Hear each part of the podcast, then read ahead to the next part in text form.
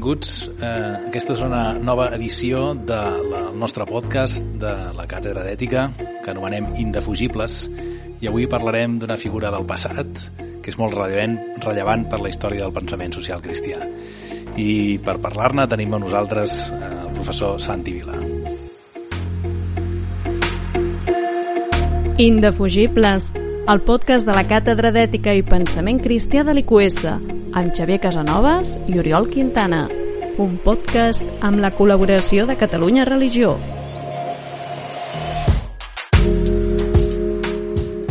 Efectivament, el doctor Vila és exconseller de la Generalitat, però si avui l'hem convidat no és per res d'això, sinó perquè simplement la seva tesi doctoral, que és una tesi doctoral en Història, és molt destacable, és, va ser publicada no fa, no fa gaire per l'editorial Viena i es titula de quan el liberalisme era pecat. Bona tarda, doctor Vila. Bona tarda, encantat. Moltes gràcies d'haver acceptat la invitació.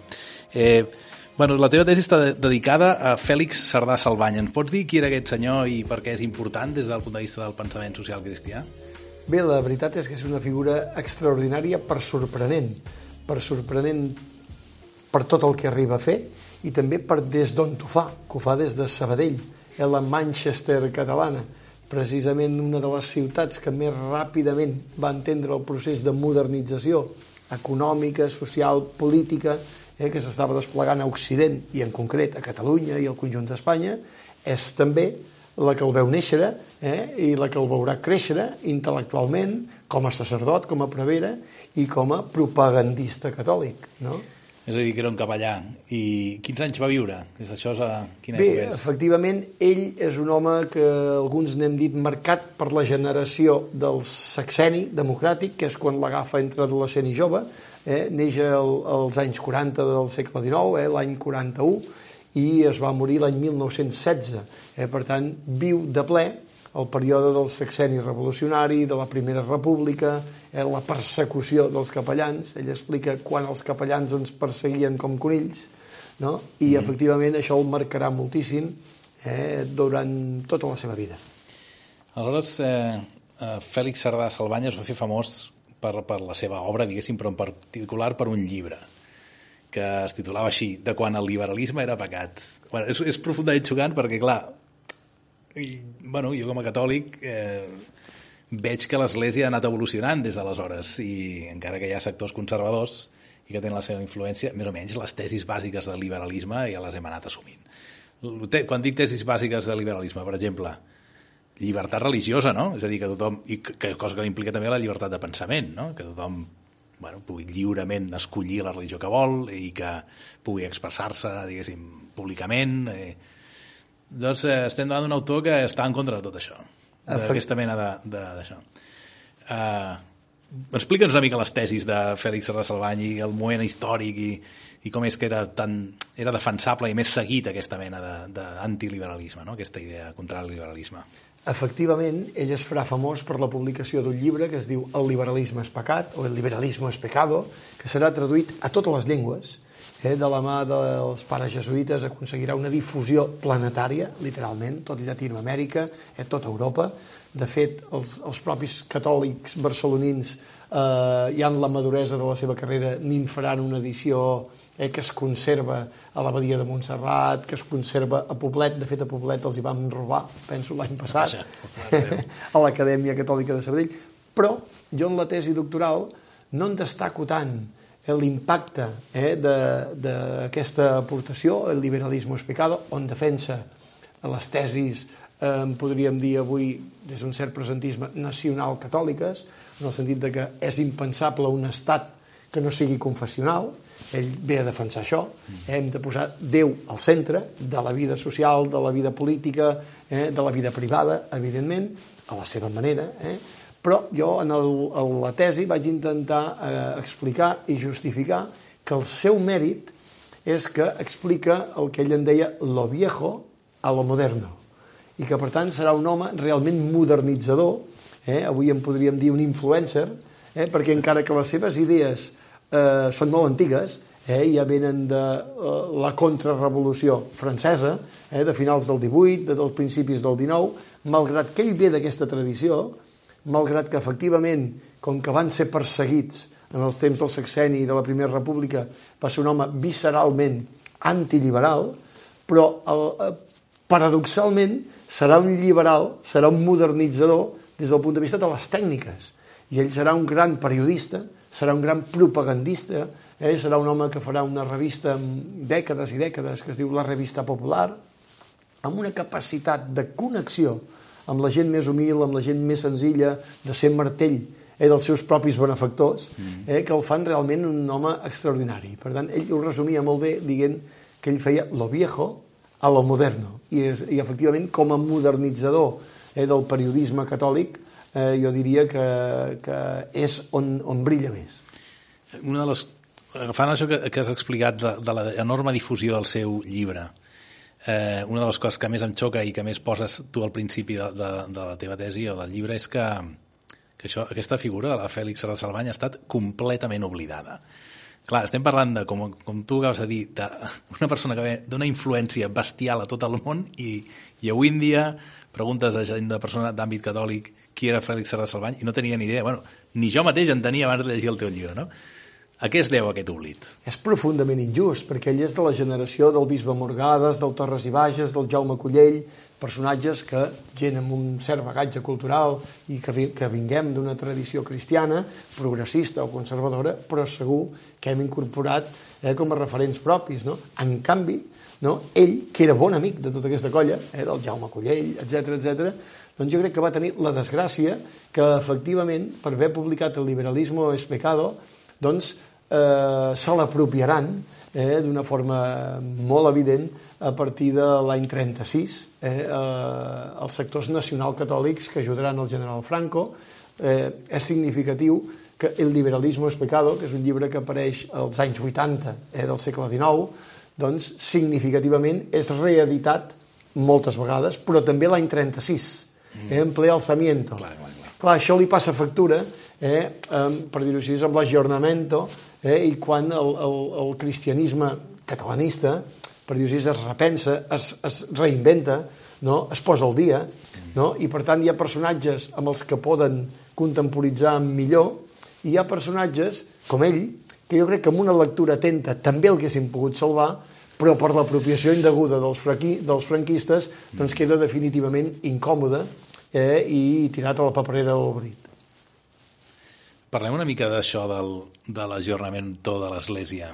Eh, jo, com a, a les lliçons, bueno, si un mira els, els tractats, diguéssim, de pensament social cristià, crida l'atenció com l'Església va haver de evolucionar molt, diguéssim, per, per poder abandonar, diríem, aquestes tesis defensades per tots els papes al segle XIX, no? Eh, Pius de Zé feia, feia, un, feia un jurament antiliberal als capellans abans d'ordenar-se, no? fer-lo jurar que mai adoptarien el liberalisme. Em consta que en alguns bisbats encara això es fa, però és com un formalisme sense massa importància. No? Com l'Església va passar d'aquestes tesis tan bèsties Eh, I a més ara ja ha passat força temps des del, des del Vaticà II. Hi ha molts sectors conservadors que acusen els sectors progressistes de, d'haver despoblat l'Església, diríem. Quin judici em fas tu de tot això? Bé, aquesta és una apreciació, per dir-ho així, eh, com, a, com a creient, no? i una apreciació política, I, i jo crec que la posada al dia permanent és una exigència gairebé moral, no? perquè si no hi ha el risc de l'esclerosi o, per dir-ho així, de l'isolament. No?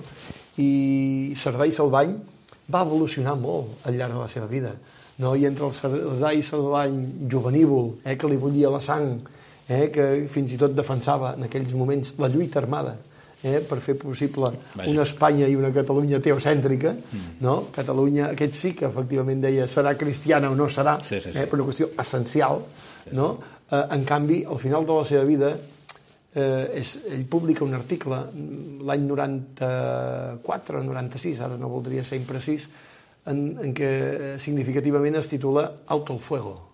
Alto el Fuego. Mm. I a partir d'aquí, els últims 20 anys de la seva vida, sobretot intenta eh, dur a terme iniciatives socials, eh, de, de protecció de la gent més humil, eh, de creació d'una residència d'ancians, eh, d'alfabetització d'adults, eh, i per tant l'home, sense acabar de contemporitzar del tot eh, amb els seus temps, eh, però sí que s'adona eh, que, que hi ha una, una exigència d'empatia amb el món que li toca viure, eh, i ell ho fa, per exemple, amb el catalanisme, que sempre el veu perillós, eh, de modernitzador, Clar, clar, però ho acaba fent, no? I per tant, una església avui eh, que, que s'isolés o que fos incapaç de ser permeable no? als canvis que genera pues, eh, en fi, l'evolució social, doncs correria el risc de deixar de ser útil no? per, per, per, no? per conreuar-nos espiritualment i per acompanyar-nos en el projecte de vida. Correcte. Em comentaves abans, abans de començar la gravació que eh, amb això suposo que pensem igual. Eh, un es s'identifica poc amb les tesis antiliberals de, de Cerdà Salvany, però jo només amb la lectura del teu llibre, i tu molt més perquè l'has estudiat a fons, no pots deixar d'admirar aquesta persona. I aleshores, quan, per, quan penses en l'oblit que hi ha hagut, el, el, encara el veus més injust, com tu deies, no? Quines coses té d'admirables eh, Fèlix Cerdà Salvany? Sí, em vaig patir una certa síndrome d'Estocolm. És un home al que li acabes agafant efecte, en primer lloc perquè és un home profundament honest i coherent amb ell mateix.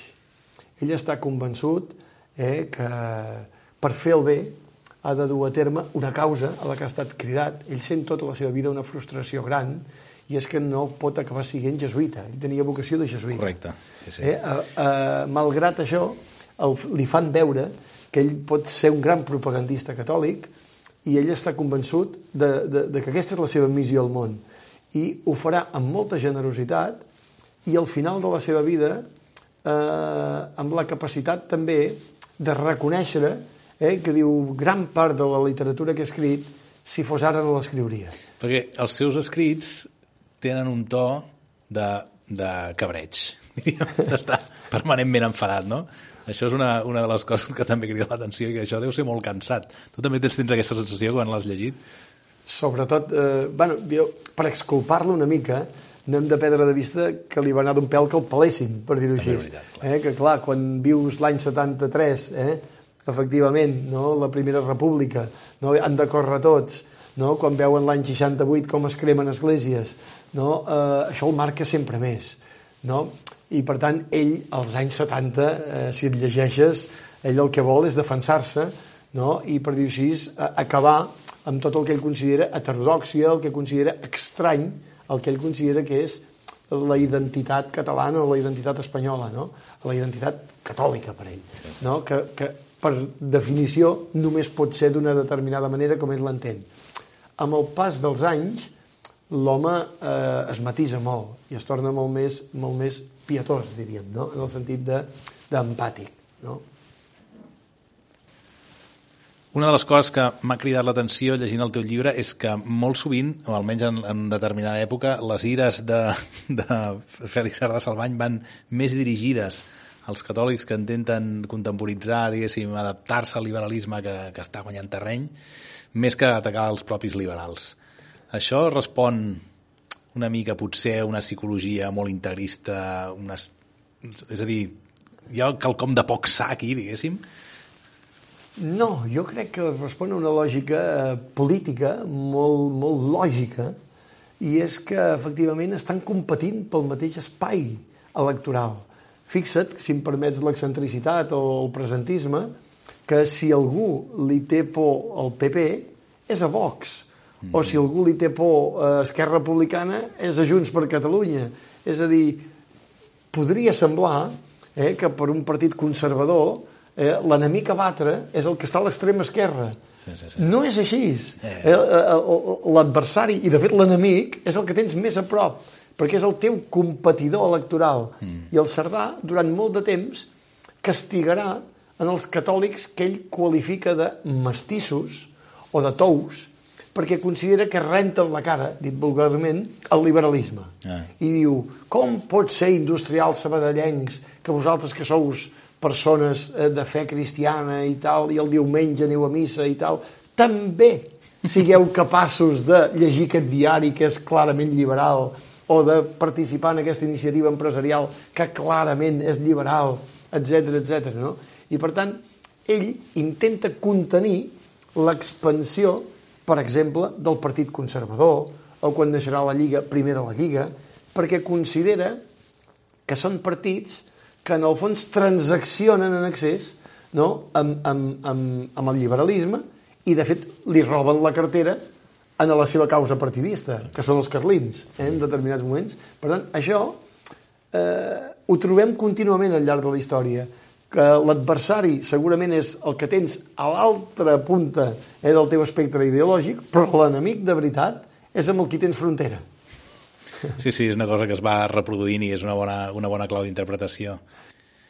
Una de les, de les coses que també m'ha creat d'atenció al teu llibre és que les solucions econòmiques que, que proposa eh, Fèlix Serra Salvany són, com tot el que fa, com re, molt reaccionari i molt conservador. No? Hi ha algunes cartes o alguns escrits dirigits als empresaris com dient, bueno, tracteu bé els vostres treballadors, però ni parlar-ne d'introduir, no? Vull dir, i de cap manera, encara no ho dic explícitament, de cap manera cap d'aquestes reformes socialistes que es proposen i això, no? Com va ser, per tant, va escriure força contra el comunisme i contra aquestes bueno, tendències més d'esquerres, no?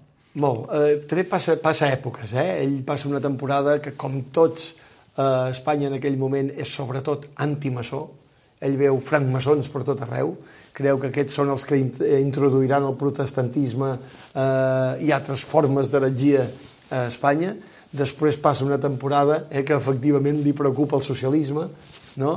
i, i l'anarquisme, però, insisteixo, jo crec que si haguéssim de veure a qui atonyina més, són els, els... El Partit Conservador, eh? i la gent que, per dir-ho així, el Partit Liberal, el Partit Conservador, que en el fons eren gent burgesa, no? Sí, sí, sí. Eh? I per tant, això, això és, molt, és molt significatiu amb ell, no? com no s'acaba de desviar mai.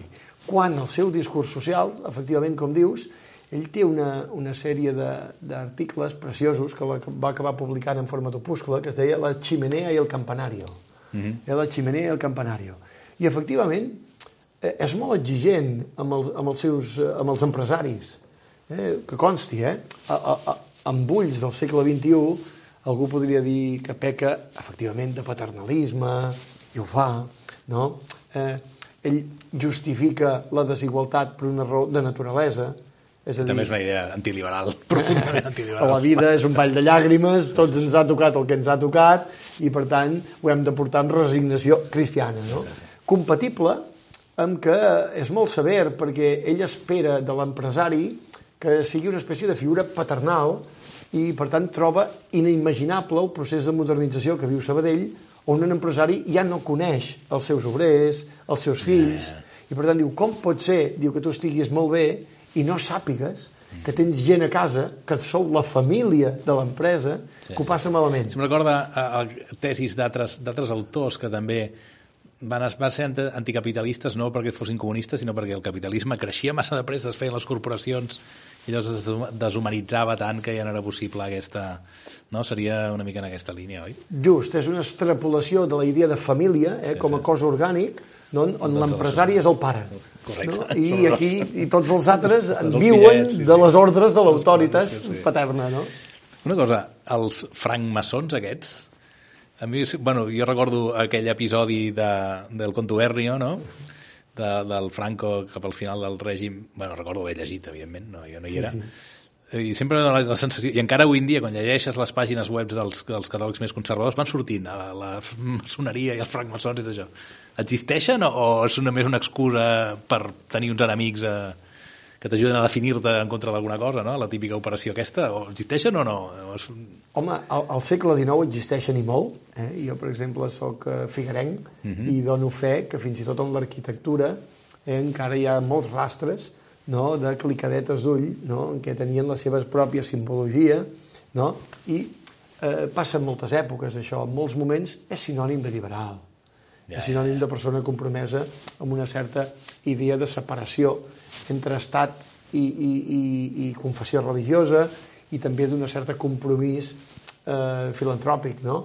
Eh, als anys 30 del segle XX, eh, en Franco, jo crec que ja té un punt de, de així, de lloc comú, eh, on els maçons són molt menys del que el règim s'imagina, com, com avui en dia, que són organitzacions filantròpiques, no? que tenen les seves litúrgies i tal. I que no estan conspirant per dominar el món necessàriament. Vull pensar que no, i, i si ho fan, no, la seva capacitat d'aconseguir-ho és, és descriptible.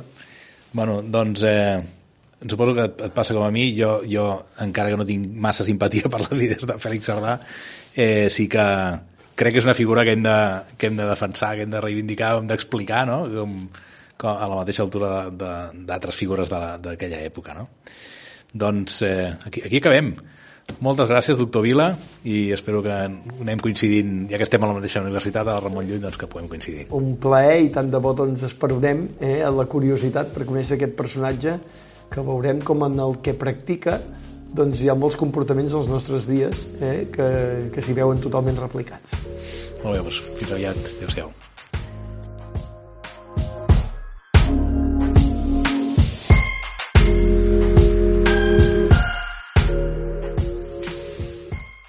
Catalunya Religió